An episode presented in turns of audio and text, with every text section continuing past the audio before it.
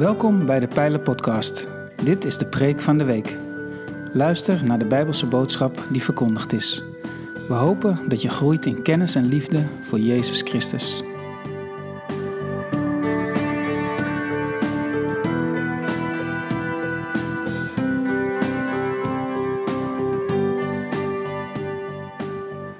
De adventstijd is aangebroken. We mogen toeleven naar het grote feest dat we met kerst vieren, namelijk dat God mens is geworden in Jezus Christus. Tijdens deze vier diensten op zondag staan we stil bij het thema alleen samen verwachten.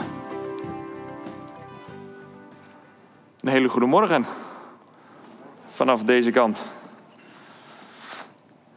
Ik vind het mooi eh, om vandaag hier te staan, om met u na te denken over uh, Advent, over verwachting. En voor degenen die verwacht hadden vandaag hier uh, Jurgen Lindenholst te zien, daar ben ik niet. Ehm, Jurgen zal volgende week spreken. Die zou, zou, ik val voor hem in vandaag en ik hoop dat met verven te doen. En voor, voor het begin van de dienst heb ik één kleine vraag. Is dit mijn glas? Ja? Is dit? Oh, dan mag ik wat uitpakken, gelukkig. Ja, dus verstandig om tegenwoordig te weten.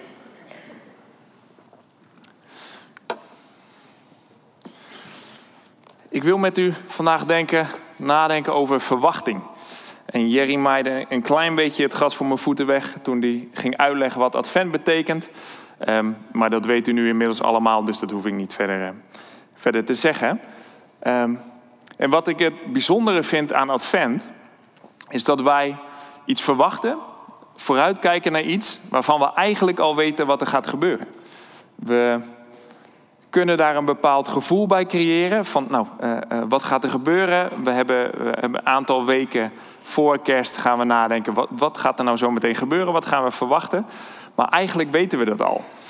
Um, en toen ik daarover nadacht, dacht ik, hoe zou dat voor uh, de Joden zijn geweest, voor het volk van Israël? Hoe moeten zij erin hebben gestaan? Um, nadat ze alle profetieën kennen, ze weten wat er is voorzegd, ze weten dat er een Messias komt. Maar hoe staan zij erin? Um, en uh, om dat te weten te komen, uh, ben ik uh, op zoek gegaan. ben ik online even wat gaan zoeken. Hoe, staan, hoe staat het volk van Israël? Hoe staan de Joden erin? Hoe stonden ze daarin? En ik kwam terecht op een, een, een blog, een website van een christen die vanuit Nederland naar Israël is gegaan en, en, en daar evangelisatiewerk doet. En hij beschrijft op een gegeven moment dat hij een maaltijd heeft met een aantal van zijn Joodse vrienden. Dat heeft hij op Sabbat. Um, en hij viert Sabbat met ze mee. En na de hand zitten ze nog even na te tafelen. En dan komen ze in gesprek met elkaar. Ze hebben het erover, wat zijn nou de verschillen? Um, wat doen jullie anders dan wij? Uh, wat kunnen we van elkaar leren? Uh, en ze waren het erover eens dat het echte breekpunt... En ik denk dat wij het daar vanmorgen ook over eens kunnen zijn... het echte breekpunt is de rol van de Messias de rol van Jezus. En de vraag die in die christen, Gerrit-Jan heet die, uh, voor mocht u hem op willen zoeken. De vraag die in die christen opkomt is, waarom geloven jullie nou niet dat Jezus de Messias is? En toen gaf hij een antwoord, uh, zijn Joodse vriend gaf een antwoord wat uh, indruk op mij maakte. Iets wat ik nog niet zo had gezien. Die Joodse vriend die zei, hij heeft niet alles vervuld wat is voorzegd. Er zijn een aantal profeten uh, in het Oude Testament die spreken heel duidelijk over de Messias. En voor de Joden heeft Jezus niet voldaan aan die profetieën. En ik weet niet of dat voor u nieuw is. Uh, voor mij was dat nieuw. Um, omdat dat voor mij heel gek is om te bedenken. Want Jezus heeft toch alles volbracht. Jezus heeft toch overal aan voldaan. Hij is toch de Messias. Maar, maar dat gevoel um, um, dat gevoel van hoe uh, de Joden daar tegenaan hebben gekeken, de, de eerste, um, uh, nou, de, de tijdgenoten van Jezus, daar was ik wat naar op zoek. Want dat is iets wat wij niet, uh, niet kunnen creëren. Um, en zo kwam ik uit bij Jesaja 61. Jesaja is een profeet die misschien van alle profeten wel het meest vooruit wijst naar de Messias. Hij um, heeft in ieder geval zeven afgebakende tekstgedeelte wijst hij heel sterk vooruit. Uh, er komt een Messias, er komt iemand in de lijn van David die, uh, die, die brengt bevrijding, die brengt vrede. En ik wil met u lezen uit Jesaja 61, de versen 1 tot en met 4. En ik lees ze uit de MBW. De geest, van de geest van God, de Heer, rust op mij. Want de Heer heeft mij gezalfd. Om aan armen het goede nieuws te brengen, heeft hij mij gezonden. Om aan verslagen harten hoop te bieden. Om aan gevangenen hun vrijlating bekend te maken. En aan geketenden hun bevrijding. Om een genadejaar van de Heer uit te roepen. En een dag van wraak voor onze God. Om allen die treuren te troosten. Om aan Sions treurende te schenken een kroon op een hoofd in plaats van stof. Vreugdeolie in plaats van een rouwgewaad. Feestkledij in plaats van verslagenheid. Men noemt hen terebinten van gerechtigheid, geplant door de Heer als teken van zijn luister. Wat eertijds vernield werd, zullen zij herbouwen. De lang verlaten streken weer bevolken. Ze herstellen de vervallen steden, verlaten sinds mensheugenis. Jesaja wijst hiervoor uit um, naar een Messias die komt en die aan een aantal dingen zal voldoen. Nou, hij is gezalfd. De geest van de Heer uh, rust op de Messias. En hij, hij brengt aan armen het goede nieuws. Gevangenen bevrijdt hij. Um, maar er zit nog een, een, een, extra component aan die wij als christenen misschien snel over zouden slaan. Uh, dat is namelijk dat hij, wat, eer, wat in vers 4 staat, wat eertijds vernield werd, zal hij herbouwen. Zullen zij weer herbouwen, staat hier. De lang verlaten streken weer bevolken. En voor het volk van Israël zit er een heel duidelijke, um, een andere component aan dan degene die wij kennen, namelijk dat de Messias het koninkrijk zal herstellen in de lijn van David. En wij geven dat een geestelijke uitleg. En voor de Israëlieten zit daar een heel duidelijk wereldlijke uitleg ook aan. Namelijk dat in uh, het land Israël, um, dat daar de Messias zal gaan heersen en daar vrede zal gaan brengen. En Jesaja schrijft dit aan mensen die in ballingschap gaan. Mensen die weggevoerd worden en gaan worden uit hun land. Um, die onderdrukt worden, die een periode achter de rug hebben van steeds invallen. Uh, steeds andere volken die de baas willen spelen over het volk van Israël. Um, en daarin geeft deze tekst hoop. Deze tekst geeft hoop eh, in de zin dat ze verlost zullen worden en dat ze bevrijd zullen worden. En dat zien de Israëlieten dan ook zo. De Messias zal dat herstellen.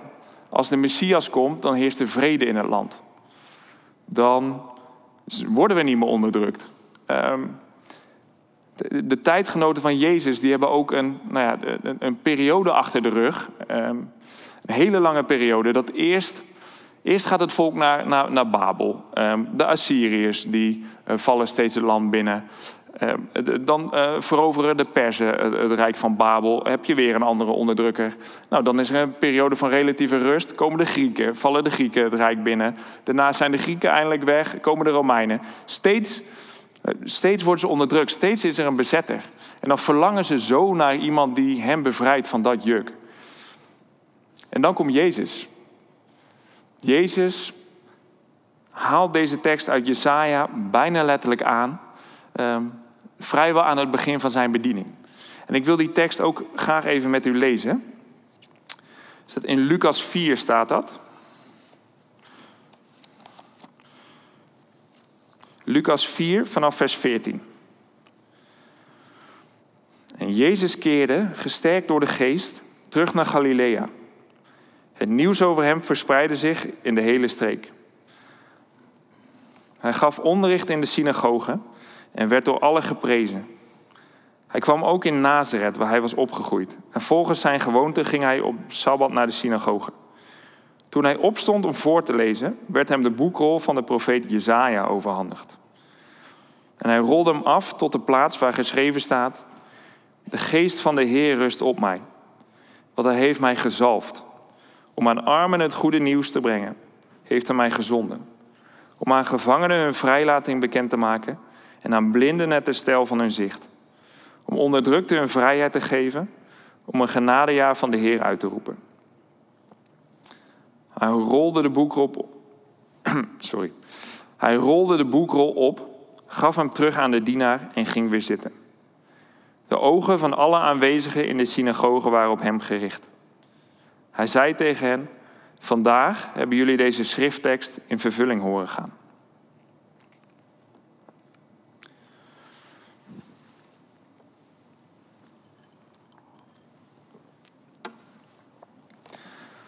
Je kunt je voorstellen, als je als volk zo'n periode achter de rug hebt en je zit op een goede dag in de synagoge, er staat iemand op en begint het te lezen en zegt: Vandaag hebben jullie deze schrifttekst in vervulling horen gaan, dat dat heel veel verwachting creëert.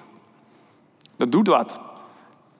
Je denkt, eindelijk, eindelijk komt daar de Messias. Eindelijk wordt het anders. Maar Jezus laat er een aantal delen uit. Uit de tekst van Jesaja die we net hebben gelezen. Zo gaat Jezus, lees niet voor ehm, dat, het land weer, dat de gebouwen weer herbouwd zullen worden. Dat het land herbouwd wordt. Dat daar een bevrijding komt van bezetters. Jezus gaat vooral in op ehm, het goede nieuws brengen aan armen. Om gevangenen hun vrijlating bekend te maken en blinden herstel van zicht. En hij geeft wel aan, ik ben er om onderdrukte hun vrijheid terug te geven. Maar hij gaat niet op die wereldlijke kant in. En dat is teleurstellend voor het volk van Israël. In hetzelfde gedeelte, in Lucas 4, um, uh, geeft Jezus nog wat meer uitleg. En er wil zijn, willen zijn eigen plaatsgenoten, de mensen waar hij misschien wel mee op is gegroeid, die willen hem doden. In hetzelfde gedeelte al. Heel anders. Dat is niet de verwachte Messias die, um, waar het volk op had gehoopt, misschien wel. Het gaat op een heel andere manier. En dat, dat deed mij nadenken. Ik denk als dat toen zo was, dat Jezus anders was dan verwacht, hoe is dat voor ons vandaag? Hebben wij in, na 2000 jaar lang eh, advent, nou ja, 1600 jaar, het is geloof ik in de vierde eeuw ingesteld, eh, na, na al die tijd advent vieren, wat is onze verwachting nu? Wat verwachten wij van Jezus met kerst? Verwachten wij hier in de zaal te zitten, eh, een mooi spektakel, mooie zang, goede preek eh, en we gaan weer naar huis en dat is het? Wat is onze verwachting deze kerst van Jezus? Verwachten we überhaupt iets van Jezus? Verwachten we dat Hij nog iets doet, nog iets kan doen in ons leven? Of verwachten we, nou, dat Jezus ons een fijn kerstgevoel geeft? Dat we, nou, het, dezelfde hoop hebben als de, als de Israëlieten van toen. En dat is geen verkeerde hoop, hè? Daar, wil ik niet, uh, niet overheen gaan. Um, maar dat we vooral een vredegevoel willen hebben. Dat we vooral bezig willen zijn met lampjes ophangen en uh, uh, samen zijn. En ook dat is niet verkeerd. Samen zijn is niet verkeerd. Maar het gaat er mij vanmorgen om, met wie ben je samen? Met kerst. Is daar ook ruimte voor Jezus? Of, of, of hebben we Jezus er helemaal uitgezet? Ja, en als ik dan nadenk over wat mag je van Jezus verwachten, dan kun je het best gewoon Jezus zelf aan het woord laten, gewoon de tekst aan het woord laten. Je mag verwachten dat Hij aan armen het goede nieuws kon brengen, ook deze kerst. Dat Hij gevangenen hun vrijlating bekend maakt, blinden het herstel van hun zicht en onderdrukte hun vrijheid.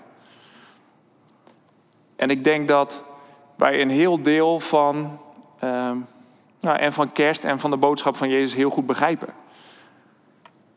Maar wat ik zelf niet goed begreep, is dat Jezus een onderscheid maakt tussen het goede nieuws brengen en daar nog een aantal andere dingen bij.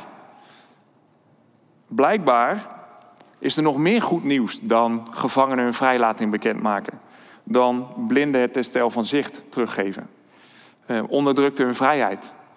Er zit meer in.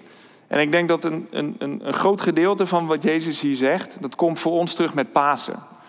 Dat gaat over nou, uh, uh, je vrijheid terugkrijgen. Niet meer vastzitten aan de gevolgen van zonde.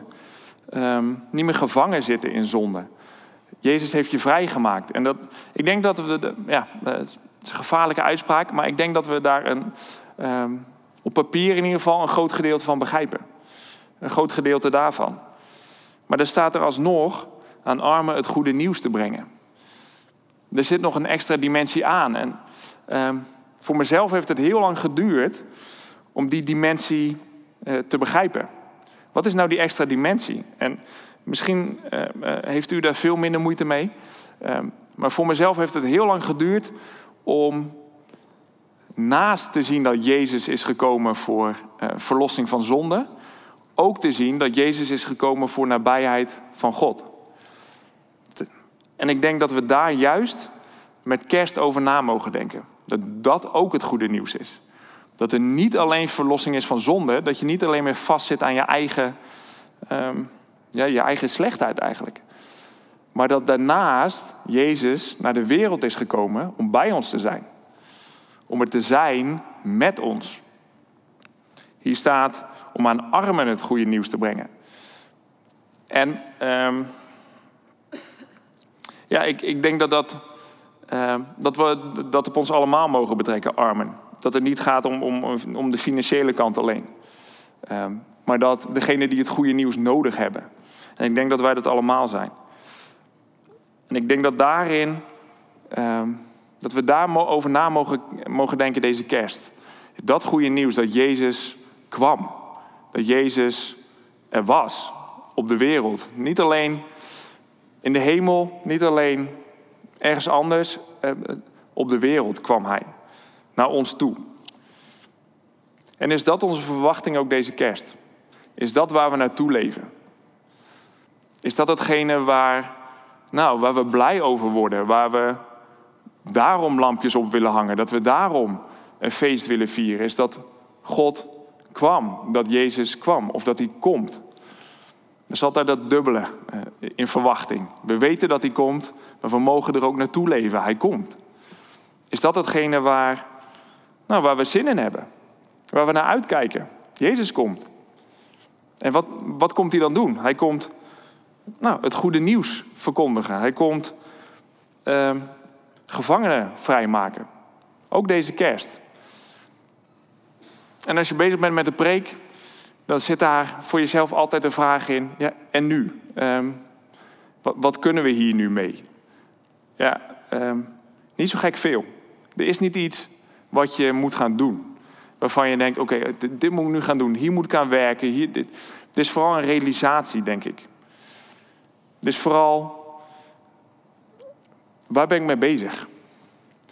Waar ben ik over na aan het denken? Wat, wat, wat is datgene waar ik mijn tijd in investeer? Wat is datgene Ehm, nou, wat, wat, mij drijft. En ehm, ik denk dat het bij u allen bekend is ook hoor. Maar kerst is juist ook een, een, een voor veel mensen een, een, moeilijke periode. Omdat daar zo'n sterke nadruk is op het samen. En nogmaals, dat samen is echt heel goed. Ehm, ik ga ook kerst vieren met familie. voor zover dat kan deze kerst. Dat, dat samen, dat moet er zijn, dat is goed. Maar als dat samen zonder Jezus is, als het samen alleen wij samen is, dan hebben wij een verkeerde verwachting van Jezus deze kerst. Ik denk dat het goed is dat wij de verwachting hebben uh, dat Hij erbij is. Dat Hij hier erbij is in onze kerstnachtdiensten. Zo, ik weet trouwens helemaal niet. Zijn er kerstnachtdiensten? Dus, er zijn kerstnacht en ze gaan ook door naar verwachting. Oké, voordat ik allemaal dingen ga zeggen die niet kloppen. Um, dat hij hier daarbij is bij ons. En ik denk dat we daarna uit mogen zien. Dat dat onze focus mag zijn. Dan hoef je niet iets per se te gaan doen. Je hoeft niet in actie te komen. Juist niet. Doe maar even rustig. Er is genoeg uh, wat we moeten doen deze kerst. We mogen juist even nadenken. Heer, wie, wie bent u? Wat, wat komt u eigenlijk doen? En ik denk dat dan onze reactie verandert ook. Um, als ik zelf denk aan het kerstverhaal, en ik wil niet op het kerstverhaal vooruitlopen, want dat, nou, dat komt over een aantal weken. Maar als ik kijk naar de reactie van de herders en kijk naar de reactie van de wijzen, hoe zij op Jezus reageren, wat Jezus doet bij hun, wat, hun, wat, wat zijn komst teweeg brengt bij de herders en bij de wijzen, dan denk ik, dat is datgene waar ik naar op zoek ben. Dat is datgene wat ik heel graag nou, over zou willen brengen vandaag. Is Zijn we er naar op zoek?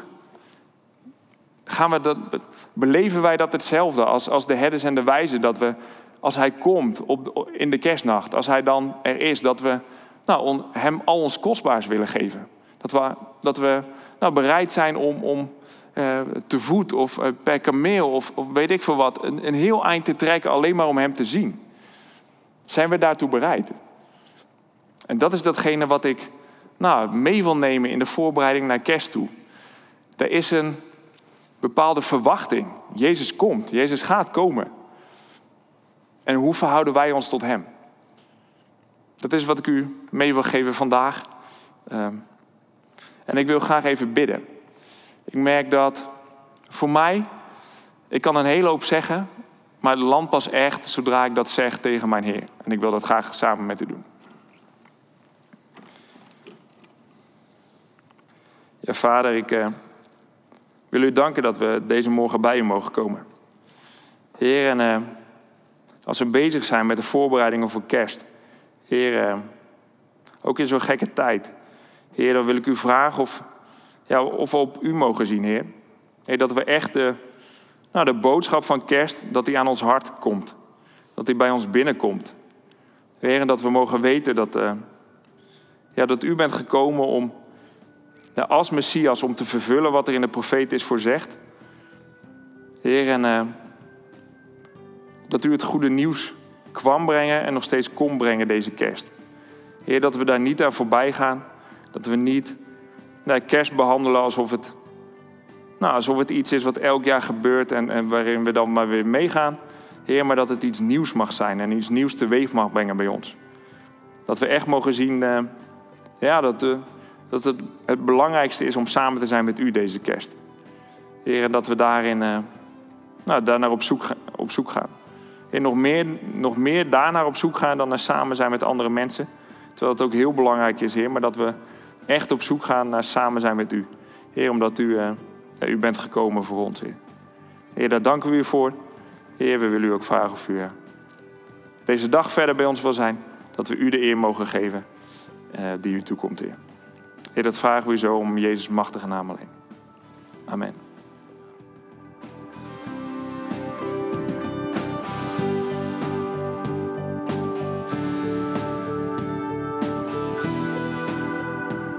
Bedankt voor het luisteren naar deze aflevering van de Pijlen Podcast, Preek van de Week. Heb je vragen naar aanleiding van deze preek? Stel ze. Dat kan via een e-mail naar onderwijs.pijler.nl. We helpen je graag verder in je groei als leerling van Jezus Christus. Abonneer je op deze podcast, zodat je altijd op de hoogte blijft van het onderwijs uit de pijler. Goede week gewenst, ga in vrede, want God is nabij.